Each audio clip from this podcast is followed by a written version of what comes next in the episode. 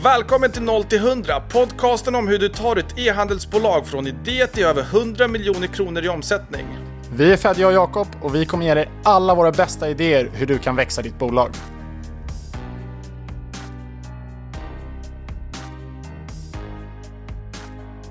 Varmt välkomna till 0 till 100. Idag ska vi prata om något som blir relevant för nästan alla DTC-varumärken någon gång under deras resa. Nämligen hur man ska gå tillväga när man ska ta sig in i USA. Och dagen till här har vi också med oss en gäst som har gjort den här resan med ett eget varumärke för några år sedan. Men vad som är lite speciellt idag är att vår gäst inte pratar svenska. Så vi kommer därför köra hela dagens avsnitt på engelska. Ni får jättegärna komma med feedback till oss på LinkedIn efteråt. Om ni tycker att formatet fungerar så vet vi om vi kan bjuda in fler internationella gäster framåt. So, without further ado, Fadja, would you like to present today's guest? Of course, so warm welcome and a round of applause for finally making it to the pod studio, Domantas. And Domantas, for you guys that haven't followed our journey with Porobis Group, is one of the co-founders together with me. He joined a few months later after the company was funded through meeting through his uh, wife to be Erica. Erica was an external consultant helping us setting up things, and then she brought a recommendation, and then me and Domantas hit it off. Domantas, he created and founded, uh, co-created a brand in uh, the US called Sleekier, and Sleekier was similarly to Under Your Skin, a hair care brand, focusing on really like effective products that remove dandruff. Now we we had different line of segments, but we found each other in in the same typical uh, scenarios. And uh, when me and Domantas was speaking in the initial calls, like we booked it for like 30 minutes, 40 minutes, and we ended up talking for hours. And I was like, holy shit, did four hours just pass by? And uh, right then and there, I knew that, okay, we got something here going and we should build upon this. So, warm welcome. I'm super proud. It's almost like you're uh, my brother from another mother. Domantas, welcome. Thank, thank you for such a good uh, intro. Never heard it before, but this is amazing. Thank you very much. I think there's one more thing I haven't told you. Which one? This is the first time that uh, Domantas will hear this, but I I listened to a podcast with him uh, many years ago. This was, I think, in 2020, 2021, and I had figured out uh, the company we're working for before Porobich Group. There was an agency called Sugatan that you were early to join in. I think you were the first or second recruit there. Yeah. At that time, I knew that I needed a sparring partner, someone to co co-work and uh, co-found Porobis Group with me. And I was looking around in Europe and trying to find a good partner.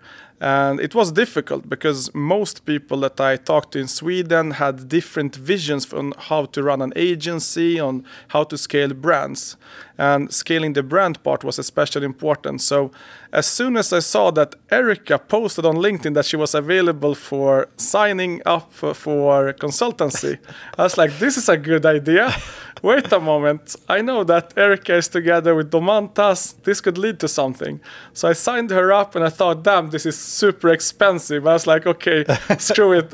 In the long run, it will pay itself off. And I was uh, consulting with Erica on a weekly basis. Turned out she was an amazing consultant. Yeah. Shout out to Erica.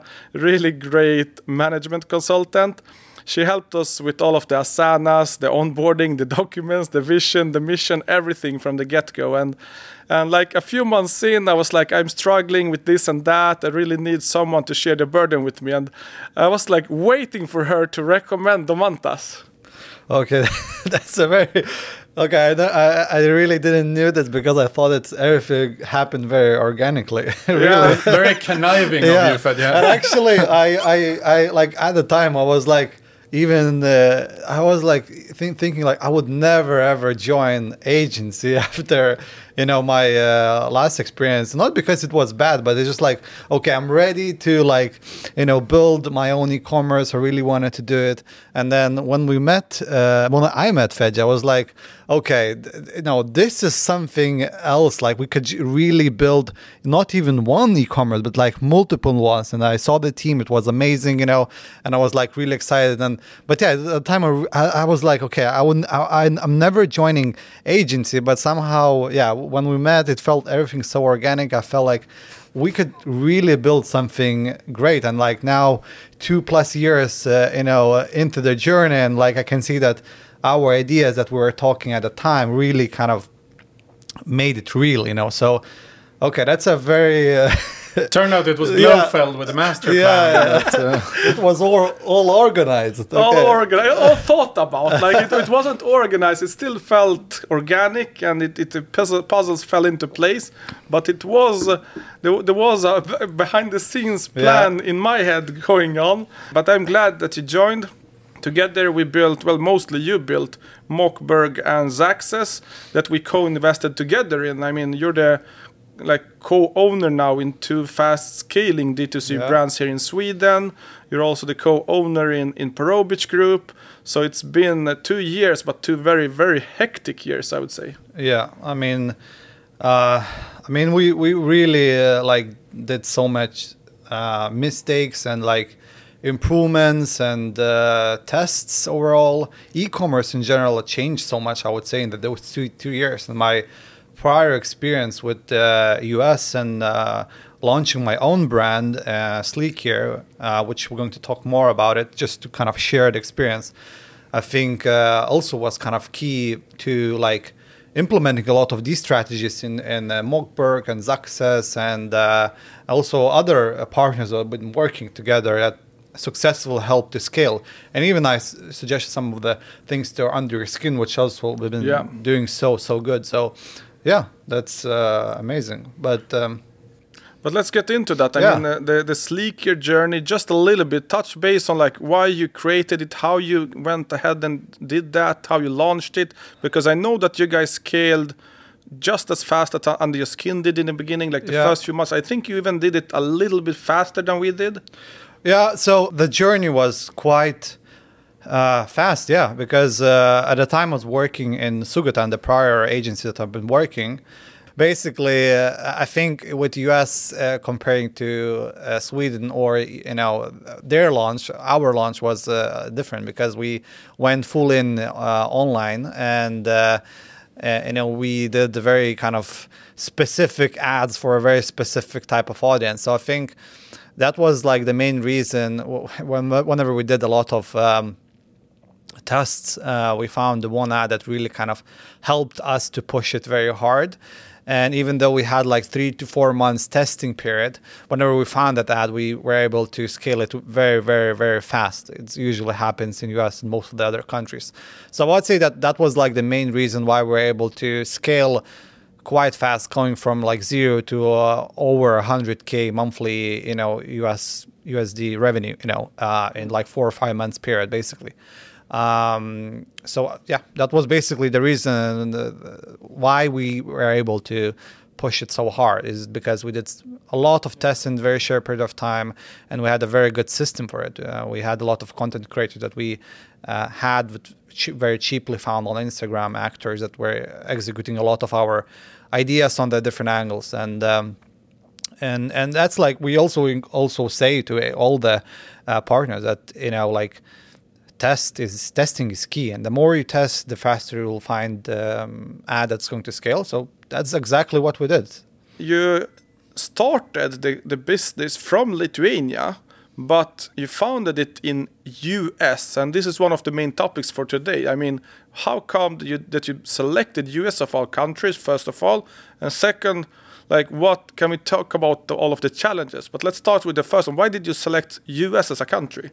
Yeah. So uh, basically, my my most of the experience at the time was coming from US. I was working with uh, like local Lithuanian brands before it, but uh, my main experience, like real D2C, you know, type of experience, really came from US. We've been working with a lot of skincare, accessory brands. We've been bootstrapping with them, you know, with paid social. Oh, yeah. Um, and for, for me, there was no other country that I, I, I wanted to scale in. Like I was like, I knew the market so well. I know how it works. I know how how can make it work. I know the scalability of it. So in my brain, it was like no brainer. Like I have to make it in US. I, I like I know like all the angles. I know everything. So um, that's that's how I basically decided. Like not even decided. Like there was even no question for me. so and was that based off of work with uh, other clients for Sugatan or? yeah, basically, you know, like uh, all of the clients that we've been working with Sugatan, like that was always mostly D2C kind of you know problem to solution products. Even the uh, the accessory brand that um, we scaled uh, quite, I mean, a lot, like from like literal zero to like uh, five, six hundred k monthly uh, revenue.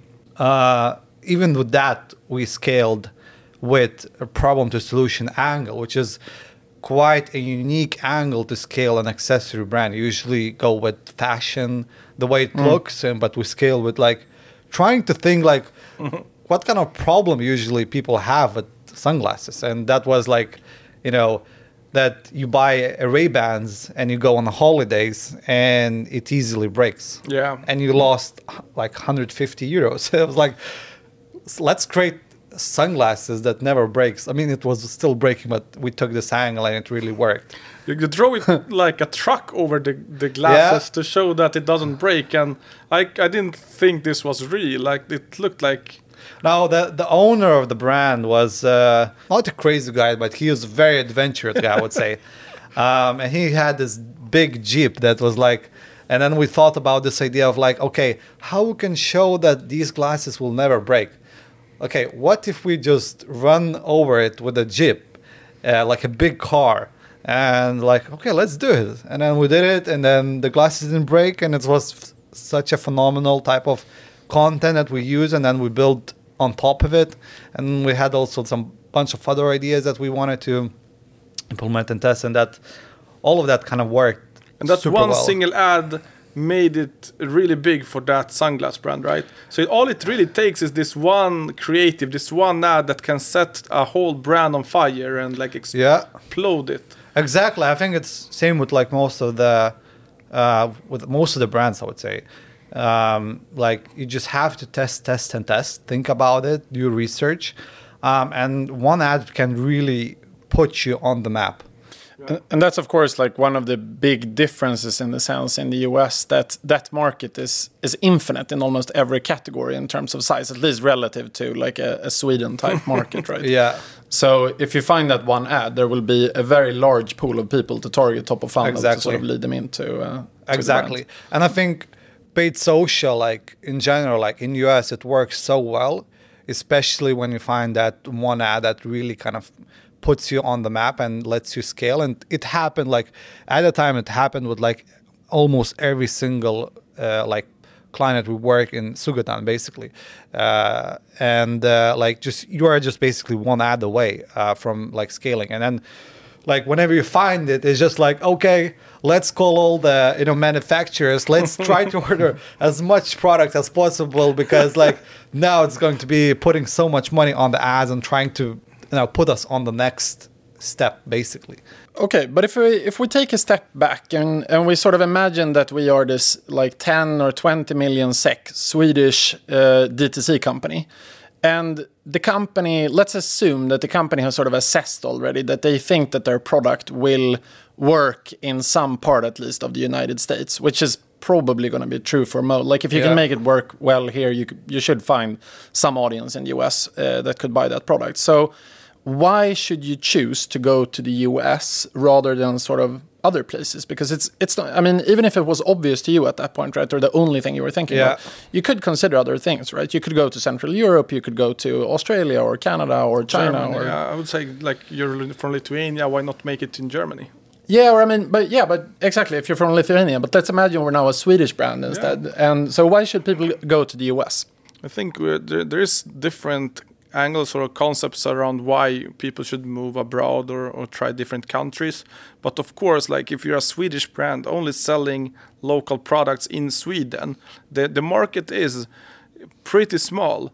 And especially if you're in a niche, let's let's assume this 10 to 20 million SEK brand is Success that we're both working with. Success is selling equestrian clothes. It's right in the middle range of the numbers we just spoke about. Success is in a niche because they're selling equestrian clothes to female riders, and it's uh, it's a fashion brand still, so it needs to look good, right? It needs to have some activewear that looks good, feels good, great fit, and everything.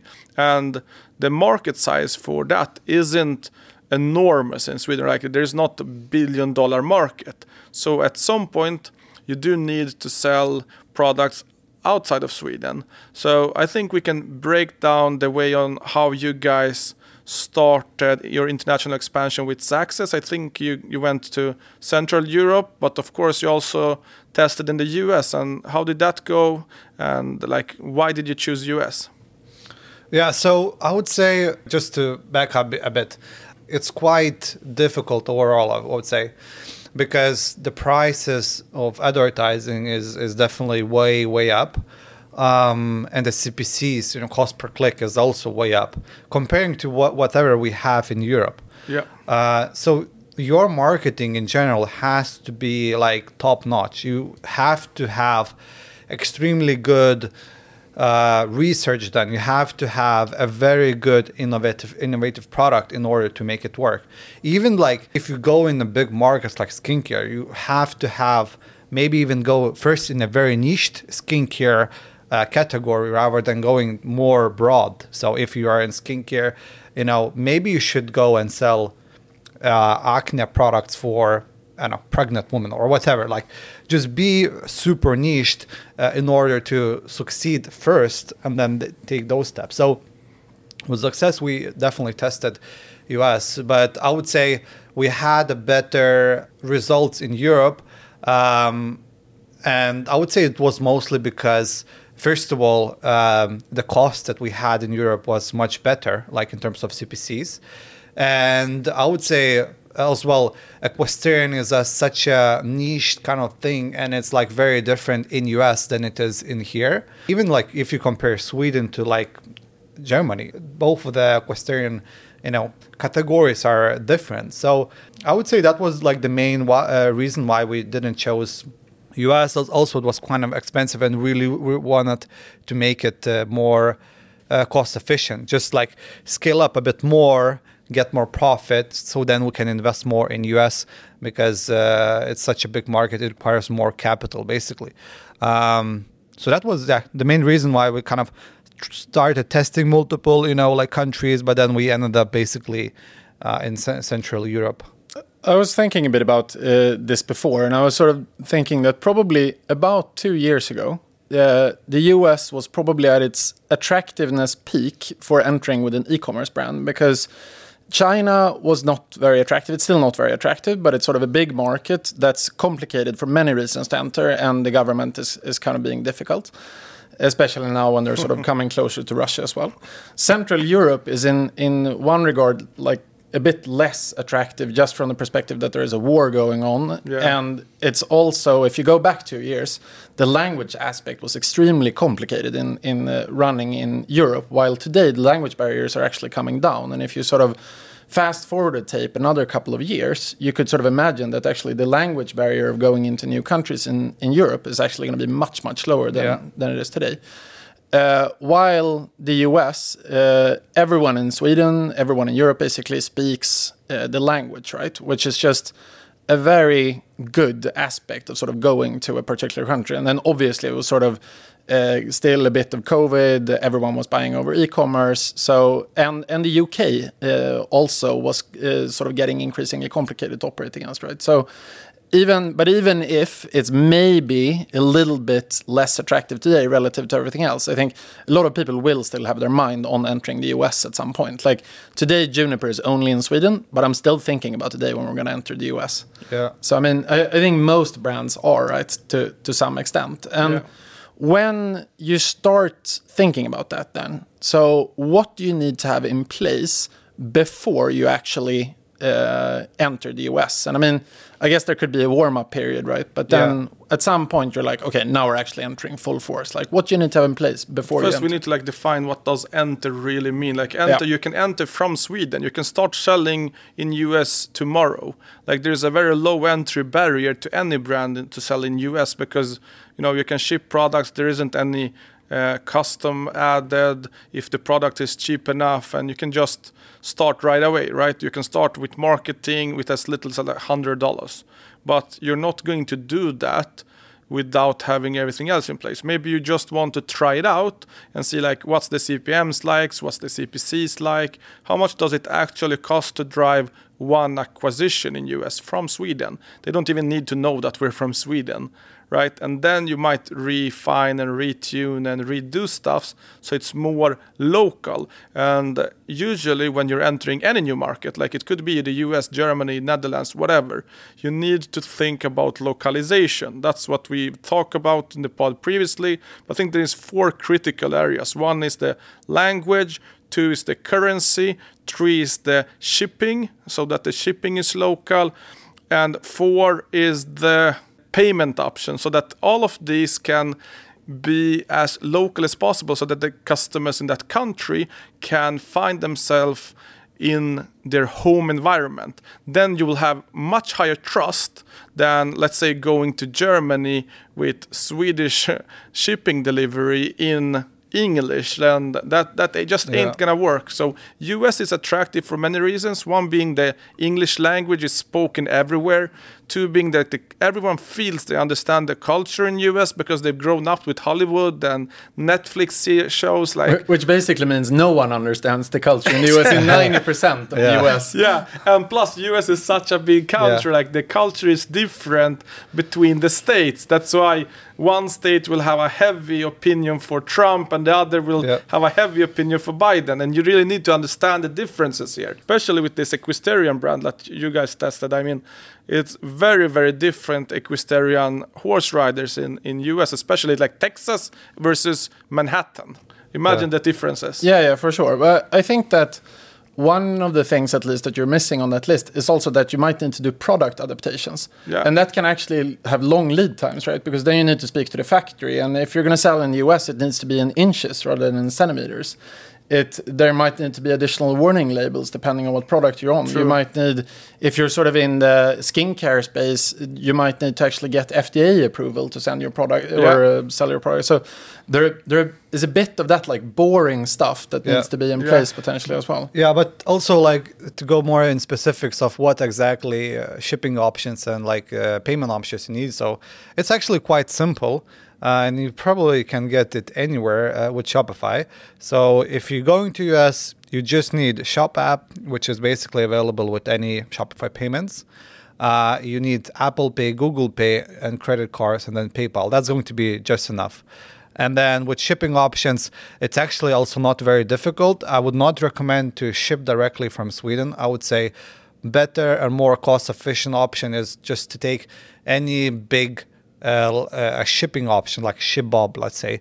They can actually take any MOQ and they can you can send like 50 products and get a very good like local deliveries with UPS, you know, and it's going to be much more cheaper. And then you can also send just a few products to just test it out.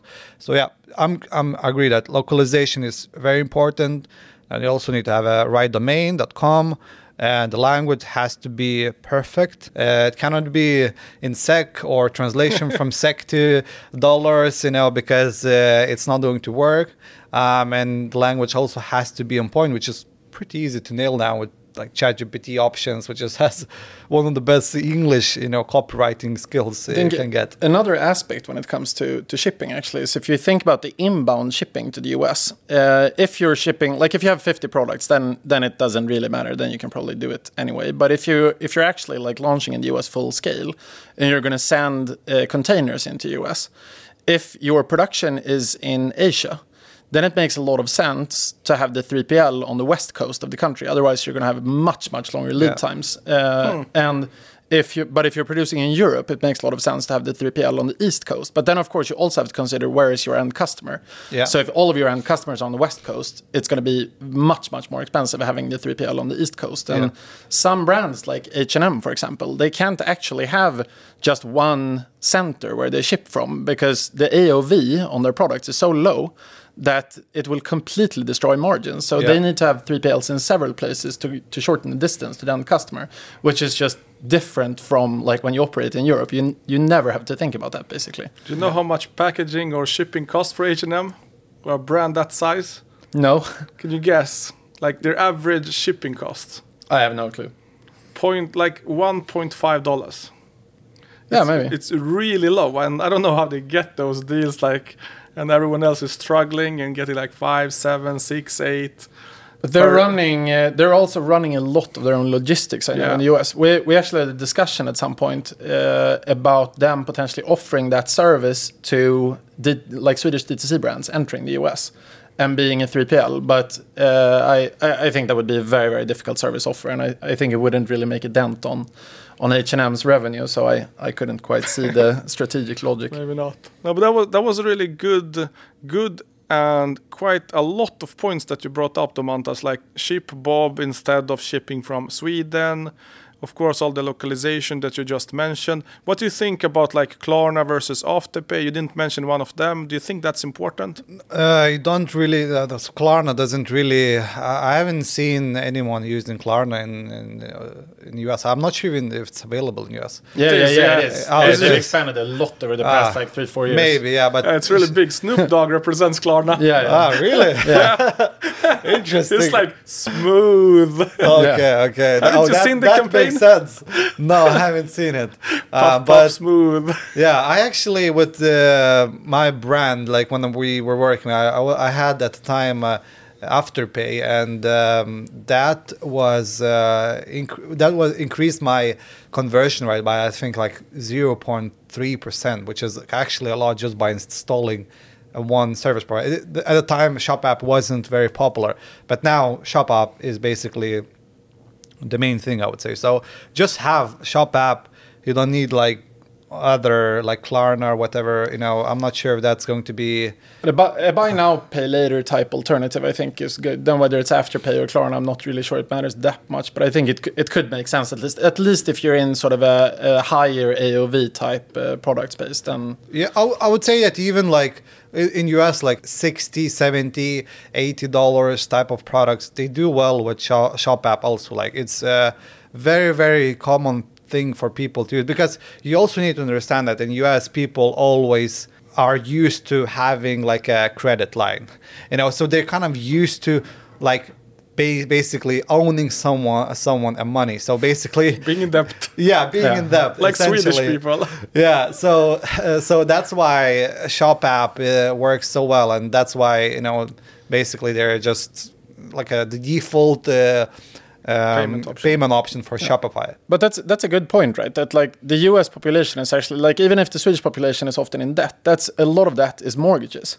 Yeah. While the U.S. has a very different view on credit cards. Like I found it so strange when I got to the U.S. and they said that I needed a, a credit score in order to uh, be able to move into my apartment. Now I'm like, okay, so how, how do I start going about getting a credit score? And they're like, oh yeah, you need to get a credit card. What? So yeah, to start spending money on the credit card and then paying the bills. So I'm like, how is it favorable for me to be in debt to someone and then pay off that debt? Isn't it much cooler if I just have cash or like have money in my bank account and pay you right away? Like I have a credit card in Sweden as well, but it's like the mindset, Yeah. the, the relationship to debt is just very, very different. I didn't different. know about that. That was really interesting. But okay, yeah, relationship to that. One thing I spoke with a local merchant in US about selling a totally different type of product is bundles. Like they ra- they rather buy big pack over in US than they do in Sweden. So like subscribe and save works really well. Big packs like buy two or three of the same item works really well. I don't know if it's that people are lazy, they don't want to come back to the store and buy again, or there's just like, yeah, you save five five percent if you buy the double of the amount, and then you do it because Costco has that imprinted on them. Yeah, Costco is really big, right? Yeah, Costco is huge. It's probably one of the top three, four, five retailers in the US. But I mean, it, I think one of the reasons, at least, is that so many people live in relatively big houses, right? Yeah. And if, if you live in a big house and you see that you can save a lot of money if you buy more at the same time, then you're like, okay, I'll buy like 100 toilet paper rolls at the same time because I get them half off. Okay. You know that sort of it's good for your profitability, but it's bad for your cash flow. But Yeah. if you take the the merchant's perspective, right, it's the other way around. Merchants are keen on getting cash. Yeah. Uh, so yeah, so I mean, it's uh, it could work out for both parties in a sense. So it's like a win-win situation, and I haven't really seen this type of scenario in many countries in Europe, especially like South Europe. But I think we're moving towards that in Sweden now. But It has been this trend over the past, I would say, 18, 24 months, where I see people bundling up much more. I see more big packs coming out. There's so many. Oh, especially in this like skincare and beauty industry where Yeah. you're like bundling everything together, trying to make it like good for the end user, good for the store. I would say bundling in general is also very good for the marketing because you can essentially like experiment so much in terms of naming and like which problem or what kind of category this bundle fits. So if, if you bundle a few products, you can just name it more creatively, like anti-dandruff bundle or anti-acne bundle or you know anti-cellulite bundle.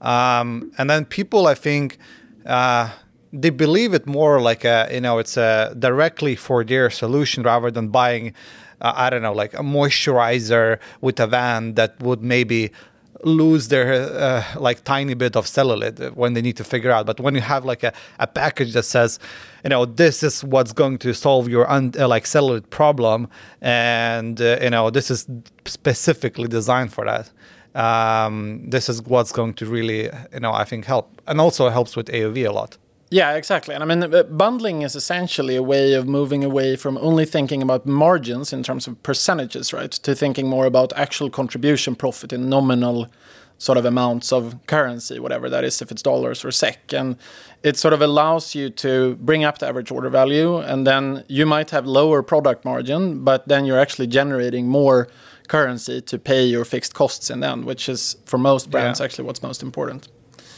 But let's talk more about like entering the US from a Swedish perspective. Like you lived in US for how many? Two, three years. Three, three and a half years. Yeah. And obviously, you guys ran a Swedish D2C brand. Of course, it's a small, tiny brand when you guys lived there, especially the first years. But I saw some articles of you guys in your New York apartment on Manhattan running this Swedish D2C. It must have been difficult. Like, didn't it occur to you, like, let's move it to US? Yeah, I mean, it, it definitely did. But it, we, we should say that sort of we started Juniper uh, in 2019, and then I got the job offer to move to the US in the fall of 2019.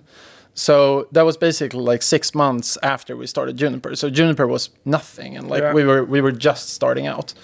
Uh, so uh, and then we sort of had that journey. It was COVID. You were locked up, and I had a new job that I had to focus on. So it wasn't like it wasn't like we didn't think about entering the US. If we would have stayed in the US for another couple of years, we probably would have uh, sort of entertained that possibility. I think You could have but started in US then if it was just six months in. Like, you could have just, like, yeah, we're starting in Manhattan. we were trying to survive. I think that, that was sort of the the thing. Not not just professionally, but also like because we had a we had a two year old because it was Yeah. COVID. Like here in Sweden. Uh, you could actually put your kids in childcare during COVID. In the US, we Yeah. couldn't. We had our kid at home, like all the time, and that's very, very difficult to handle when you're locked into an apartment with a two-year-old. Uh, I'm sure any parent can can sort can of relate. relate, yeah. Uh, but but another thing though is uh, that I wanted to get your perspective on because Fedja, you're now sort of experiencing with On Your Skin going into the US. You've done it with Sleekier previously and with other brands as well. And it's sort of this thing about should you set up a local entity in the US, so like an Inc. basically in the US, and if so, at what point should you actually do that? Don't- you don't really need a company to test it. I would say as soon as you f- f- see the data that's like, okay, I'm getting some traction, I can scale more of it, then it makes sense for you to set up an US entity, which is actually very, very easy to do it. I done it myself. It's it's very cheap and it's also very favorable for I would say Europe Europeans, you know. Um, and then you you kind of get a few benefits like you know cheaper payment transactions with Sho- uh, Shopify payments if you have Shopify of course but like if you have Stripe whatever basically you get more payment options, which is very good. Um, and then you can also probably get b- better shipping options with uh, some of the sh- shipping partners that you could get. Uh, but other than that, like there's not really much kind of benefits, but it's still quite an important thing to do, especially if you're moving to US. I mean, it's going to help you with, you know, like taxes and stuff like that. It's you're definitely going to pay. You know, you could basically optimize some of the taxes things, you know, uh, with uh, e-commerce. So, but I would say, yeah, if you're just testing, you don't really need it. But if you want like to start scaling yeah. there, it it makes sense to open it. It's really not difficult to manage it. I think there are there are probably at least like three or four more reasons that I think that it's an idea at least that you need to consider. Like one of them being that if you ever want to move to the US and you want to have a visa, then someone needs to a company needs to sponsor yeah. that visa, right? And if the if the only thing you are doing is running your company, then your company will need to sponsor that visa probably because no other company will sponsor you. Uh, and that means you'll you'll need a local entity, right? And then uh, you need to engage in that process, and it takes time. So that's at least one thing. I think uh, another aspect is if you if you're doing wholesale in the US, then wholesalers tend to be very like annoying around sending money to Europe. Yeah. So they tend to be like, no, we're gonna send you a check and then you can uh, and then you can cash that into your U.S. bank account. And if you get checks from your wholesalers in the U.S., you can't really. It's, it's quite difficult to like manage that if if you don't have a U.S. bank account. And I think a Swedish uh, bank closed checking like what five six years ago or like ten years ago, but like five years ago they pulled the plug entirely on it. Yeah, and it stopped being popular 25 years ago, probably 30 years ago. I, I don't know, but yeah. it's, it's, a long time ago. Another another aspect actually of, of uh, setting up a US entity is also that uh, in the US you tend to sue each other quite a lot, right? And yeah. to a much larger degree than in Europe. And if you have a local entity in the US, it's going to be easier to handle legal matters because finding lawyers that can defend your European entity against a US uh, team of lawyers is going to come out very very expensive hmm. and it's going to be unclear like if that trial should be in Europe or if it should be in the US and your parent company can sort of end up getting very screwed in that instance. While if you have a US entity, it's much, much easier to contain any financial and legal risk with that entity in the US, even if it's sort of a subsidiary of the of the parent company. I think there's marketing benefits to having an LLC, like starting off an LLC in US after you've proven everything, it tested small, like Domantas just said. I think there's marketing benefits because every platform starts in US. Every platform we use, like features get rolled out in US first for yeah. testing purposes. Like we see that now with TikTok Shop. Like yeah. it's just in US. We see it with uh, on Shopify with the affiliate program. It's just in US. We see it in. Uh, in, in Instagram and Facebook before when they rolled out Shopped in 2021. It's 2024 and they still didn't get to Sweden before they decided let's pull the plug on the feature. like it's really really beneficial to be there for the early adopting days when new features just get released from a marketing standpoint and you can't enter those marketing unless you have a US company most of the time like sometimes TikTok will allow you from Sweden if you're selling in US, but in this instance they didn't. So it was very beneficial, like for Under Skin, that we had a US LLC. Yeah, that's that's also a very fair point. I I, I just uh, came up with another thing that's also actually important, and that's handling. Like you mentioned tax before, right? And it's one thing to handle tax from a personal finance perspective, but then also tax for the company, right? Like uh, there are going to be different sales tax laws in each state in the U.S. basically. Yeah. So in Virginia, if you get more than 200 orders in Virginia, then you need to start paying sales tax in Virginia. Yeah. In Kansas, you need to pay it from the first order. In New York, you need to break through, I think, three or five hundred thousand dollars in annual sales and so on.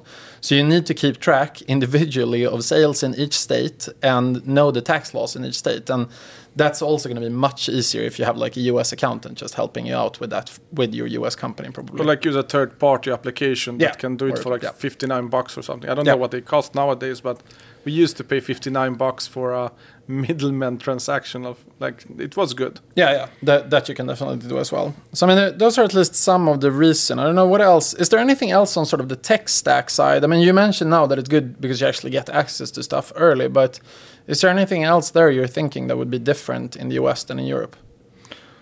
You know like us it's no different than I would say any other like European market. It's just like localizing, you know, like right payment options, right shipping options, and I would say the only like biggest difference is that your marketing has to be top notch, your research has to be top notch, and you need to understand that the US is like I would say is the most competitive market overall. Like you will have uh, Yeah. more competitors than ever. Uh, you have uh, very smart marketers trying to, you know, fight with you basically and destroy you. You know, if you, you know, on a certain level, uh, you know, because you know if you're selling in Amazon or even in Shopify, they can really uh, make some issues for you. Um, yeah, so I would say those would be like the major differences, uh, you know, comparing European countries and US.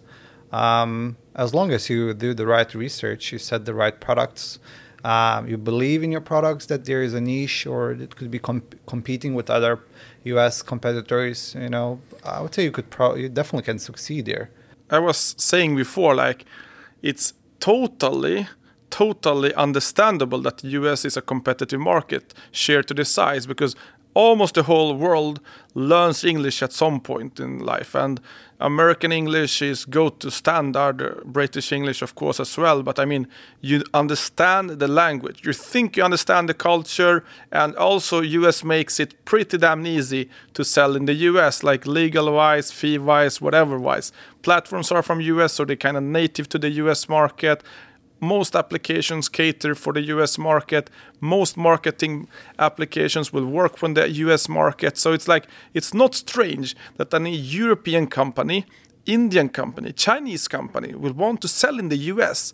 And that creates a low barrier of entry and that low barrier of entry will drive the price up right if everyone and their mother will be experiencing and testing stuff in the US and the CPMs what will happen is they're going to skyrocket like they, will be higher. It doesn't necessarily mean that US is going to be a fantastic fantastically better market for you but marketing will cost more. Now scalability is on a whole other plat- platform like you have a whole continent speaking the same language shipping everything else is much easier than it is in europe or asia but it is a difficult market for marketing purposes. So like you said dom like research is key here. You need to do your research well and you need to like study your competitors break down their best ads break down what actually made those ads work improve on that and make sure that you can beat them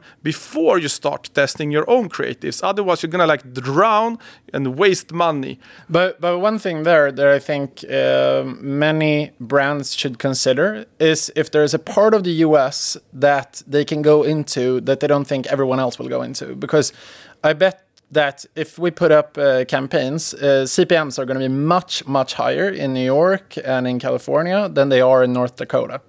And it's like if you can find a state where you think that you have a product that matches that state really well, but you can't place that state on a map, uh, then there are many other people that can't place that state on a map either, and and it's unlikely to be as targeted by marketing as as probably sort of the the core states. But both yes and no. When we tried that, when you have US as a broad audience, because it's a broad audience, Facebook will always like make sure that your CPMs are as low as they can be. So they will try to make it as low as they Yeah. can be because they want you to su- succeed with your marketing, right?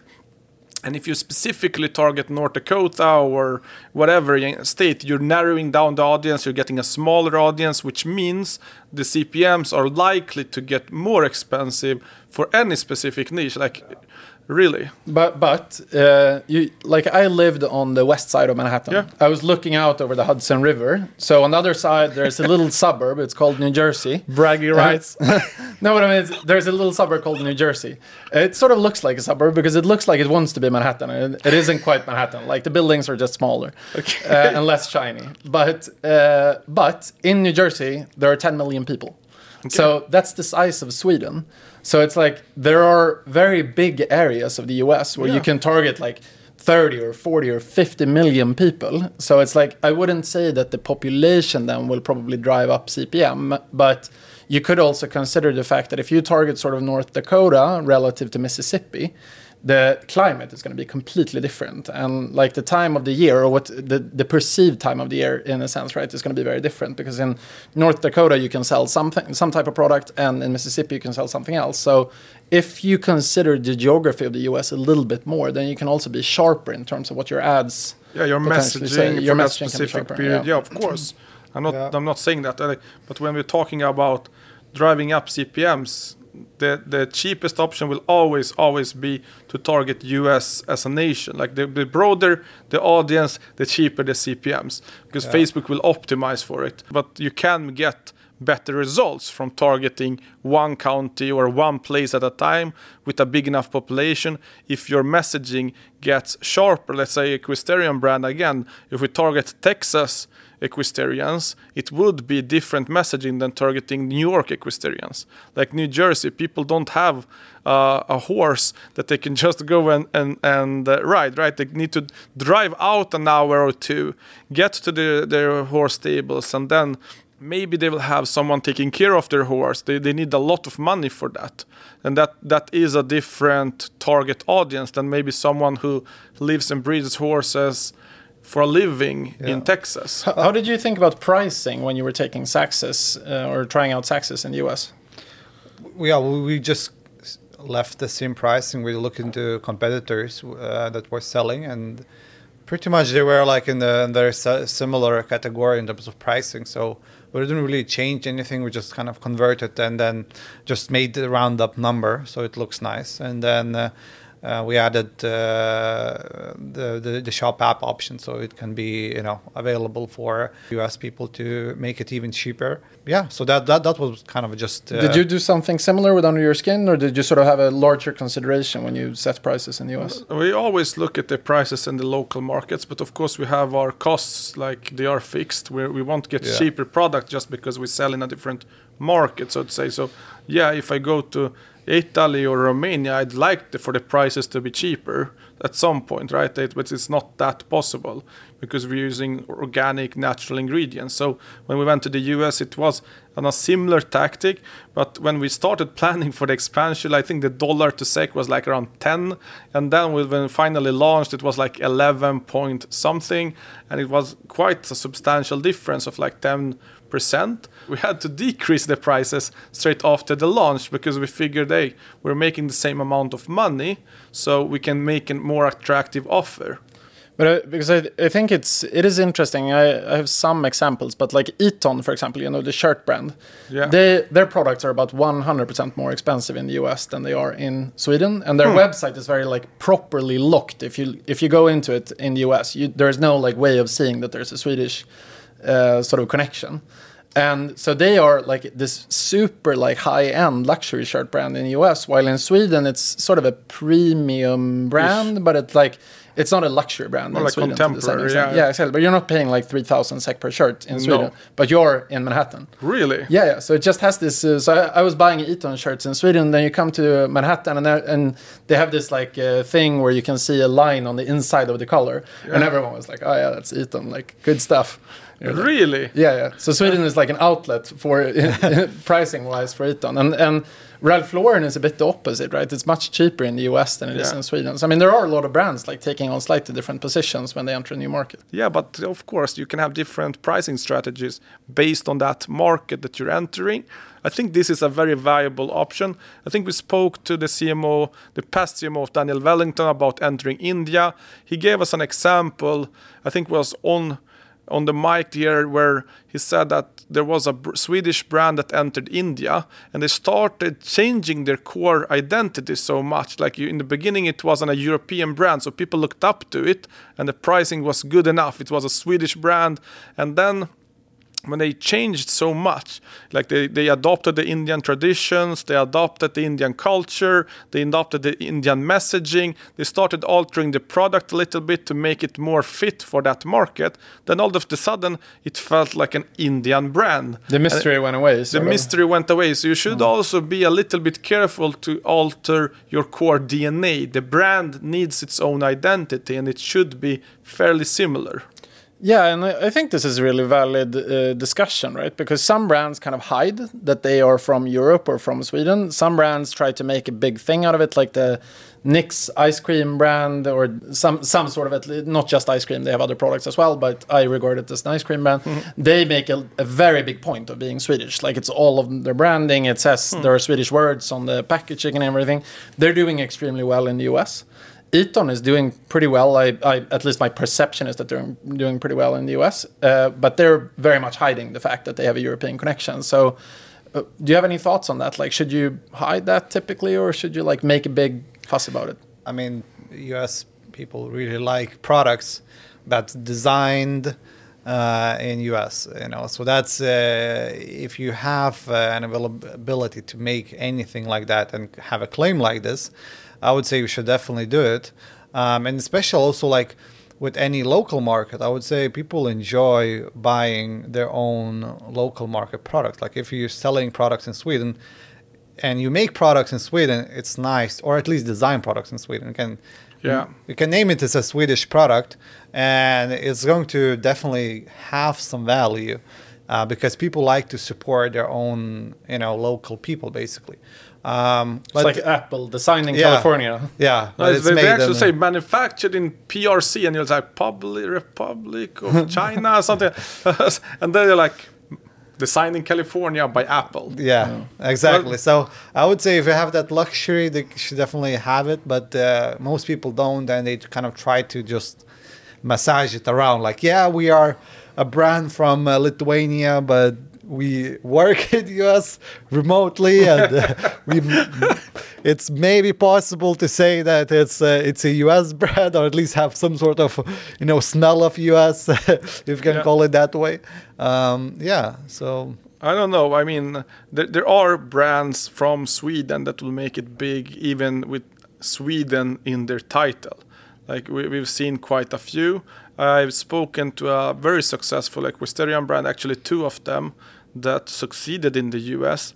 One of which has Stockholm in their name, and they made it big in US. So it, I think it's possible, and it won't be like an obstacle that you're a Swedish brand per se. It could be if you're like from I don't know Lithuania or Estonia or a smaller country, which is even less known in the US and than Sweden. So, but Sweden is still very it's very mixed up with Switzerland, and Switzerland is also known for good manufacturing. Yeah. So it's like we're a little bit lucky that they mistake us for for Switzerland. Yeah, that- Yeah, I would say with this, you know, if you have that kind of approach, I would say uh, some of the countries can uh, brand your products better than others. Like if you sell clothing and you say that your clothing line or you know your designs coming from France or Italy, you know, it's, you can already uplift your brand because people know that it, Italians have very good style. France has very good styles. Now, if you're like manufacturer of like cars, vehicles, Germany is like a very also high quality, you know, stuff. So, and then in Europe, if you're from Sweden and have a brand, you know, and ma- making stuff in Sweden, most of the Europe will think that it's also high quality. Like True. So it's uh, you can definitely also play around with this, you know. Um, in also in US, I mean, uh, like Sweden is well known for equestrian. The I would say it's one of the most established countries uh, in terms of horse riding uh, in general. Do you guys have so many compet- competitors, brands selling in equestrian space. So I would say maybe that could be also like why in US people really like it because whoever is in equ- equestrian, they know that Sweden is huge and they have quality products. Huge Yeah. in the space, yeah. that's I agree. So, uh, should we discuss briefly on uh, on sales channels? Maybe like uh, first of all, uh, I mean the big elephant in the room, right? Amazon. Like, how should a D2C brand think about Amazon when entering the US? I think uh, personally, like it, it really depends on the product that you're selling, and if you can, like if you have the luxury to first of all give away margins to Amazon, if or if you don't, and the second of all is the data. Like you won't have your own data. So if you're entering the US, entering through Amazon, it is a little bit odd because you won't know your end customer. And I think those first hundred, first thousand, first ten thousand customers are so vital to your future success because that will set you up for growth. And if you're doing that through a third party where you're losing, it's like almost a retailer. Oh, go go to US try a retailer, then it will give you approximately the same uh, like feeling as, as you're launching on Amazon. I wouldn't say an Amazon brand is a real brand per se because you don't have the data yourself. You're just on Amazon. It's a retailer basically. So I would go through my own channels first, and also like your product quality. If you you know that um, like Americans traditionally like a, something a specific way, and your product don't serve that specific audience. Amazon is very broad; it serves all audiences, right? On Yeah. Facebook, you can niche it down. You can get the audience, your your product in front of the audience that you want to get it in front of. Chances are likely your your product reviews will be very much in the in the upper range. But on Amazon, one or two negative reviews in the start can kill the entire launch, and it's very difficult to get back from that. I think, uh, uh, uh, I, and it might be that I, I've lived there recently where I have a slightly different uh, sort of perspective on this. But uh, it should be said that about every other dollar spent on e commerce is spent on Amazon in the US. Uh, and when I lived in the US, if I saw an ad for a product I wanted to buy, I never clicked ad. I searched on Amazon to buy it. Yeah, a lot of Uh, people do. Like yeah. data so, shows that. and so then if, it's not if another brand offered a similar product on Amazon, then I bought that brand instead.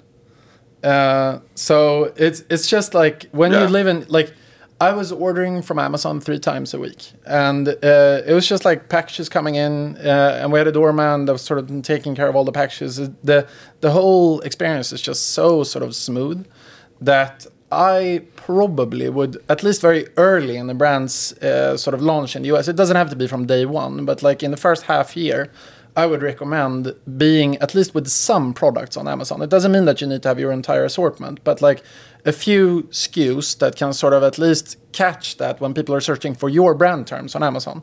Because that's sort of like, I think Amazon in the US is almost like having Google Ads in Europe. Uh, it's like people it's like search. a tax you need to pay. Yeah, it's like a tax you need to pay, and it's like uh, you you search like many times now when I see an ad, I search on Google, and that's how I find the the products afterwards. But in the US, I didn't search on Google; I searched on Amazon, and then I bought I mean that makes sense, but I mean there are other markets like Germany and UK where Amazon is very very strong. It's like almost as US, and I would still have the same recommendation where you you owning your own data is much more valuable, especially in the beginning.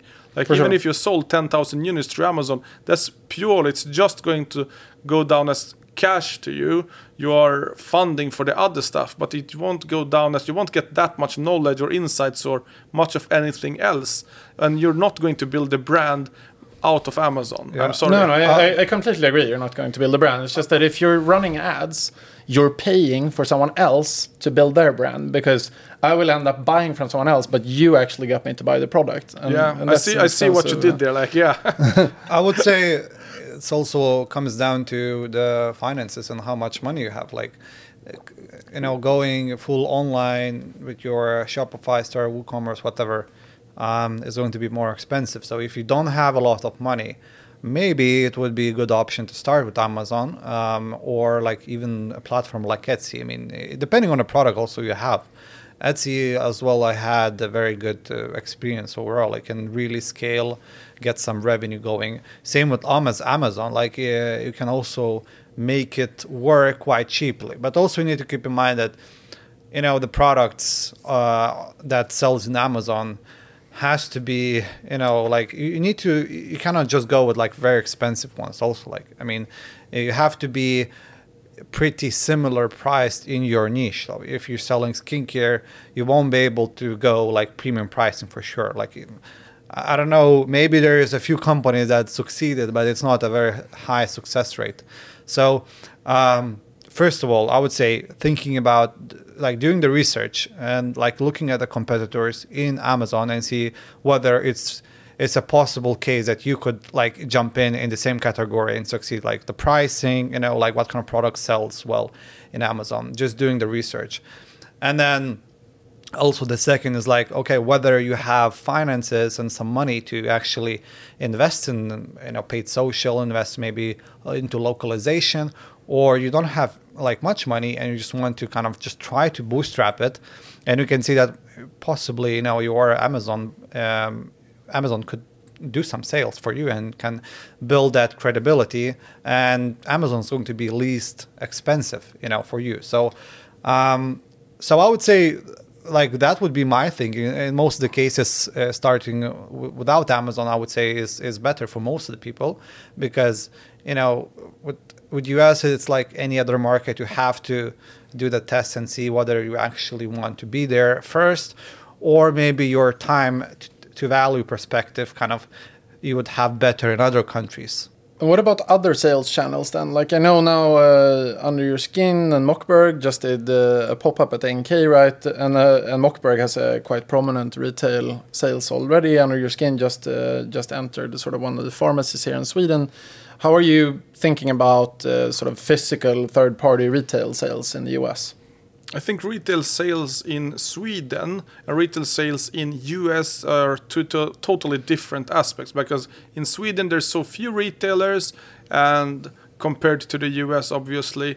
And in US there are some really big monsters that like will directly like if you're listed and you're in store you'll get a high trust from early days. So I don't necessarily think it's a bad thing to be in stores, and especially in the in some of these bigger chains. For you, for like under your skin, we would love to be in Thrive Market. So if you have a connection to Thrive, that would be amazing for us.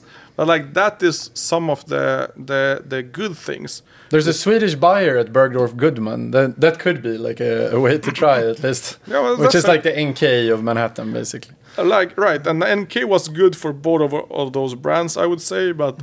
Of course, it was a better gifting period time for Mockberg than it was for Under Your Skin. But if you look at it, I think there's nothing negative in getting into physical stores in the US. There's some negatives because you lose some of, of your revenue, but generally it's very positive.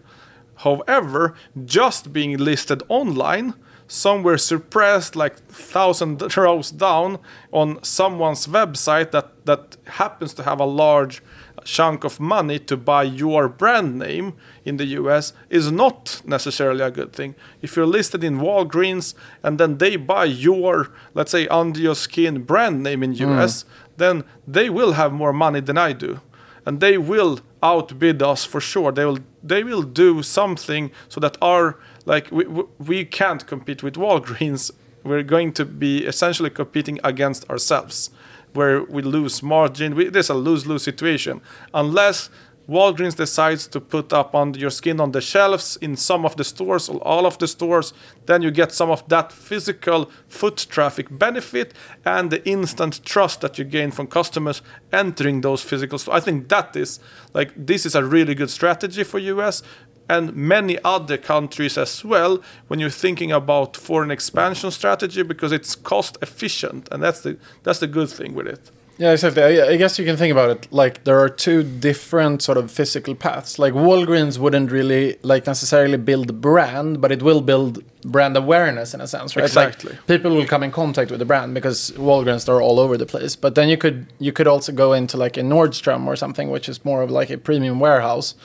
Uh, or or a department store rather, and and then you can sort of imagine that that will actually build some brand equity, Yeah. but probably not bring as much sales. Uh, good point i think we discussed this as well and with uh, Carl, carl, uh, yeah in a episode like four or five go back to that because what he said was yeah if you go into like lafayette in in paris you won't get that many sales but what will happen is that other stores will see that you're in lafayette and then they will also want your product in their stores plus then consumers will see that you're in lafayette and that brings brand equity plus brand trust and you won't shop from someone that you don't trust online. So trust is definitely one of the most important factors to consider. And if we can get into like Nordstrom, you should. Yeah, exactly. And I, I think even the discussion with Walgreens is going to be easier if you're like, oh yeah, we're in Bergdorf, Goodman, we're at Macy's, and we're at Nordstrom, and now we want to get in at Walgreens. Like that discussion is going to be an easier discussion than Much just being easier. like, we're this random Swedish brand, we're nowhere in the US. Can you start selling our products? And then they're like, yeah, there are also other brands. Yeah, that, that's true. Uh, but that was a good. I think this was a good hour discussion. Almost like we should maybe wrap it up with like final learnings or lessons learned from from this podcast. Like Domantas, if you were to start a new D2C brand today, and I know that me and you were investing in new D2C brands and we're launching new stuffs. But if you were to do something on your own, like you're starting a new D2C brand from scratch with very little capital or limited capital, what sector or like what product category, or can you describe that a little bit? Like how, how would you do it today? So I think we talked a lot, a lot about US. So let's say we're going to US. I would say uh, the product category for me wouldn't really matter. I would uh, I would just start actually um, not from the product. I would start actually from just reading about problems and what sells well in Amazon right now. And then based on that, I would also like think about okay, from my experience, what target audience I would want to work with the most. And for me personally, I think my my skills are the best for the female audience. I, I think that I can experiment the most. I can uh, you know like do most of the you know performance marketing strategies. So knowing that then i would start choosing the products based on like okay i need to find something problem to solution and what sells right now well. And then i would probably find maybe something from hair care skincare maybe some accessory maybe i don't know there's a bunch of problems that girls usually have and then in terms of channels, I would say now TikTok organic is doing so well or overall and also TikTok shop. So I would probably go with that since knowing, you know, I don't have a big budget. You know, I would, uh, no, first of all, actually, I would do a big research.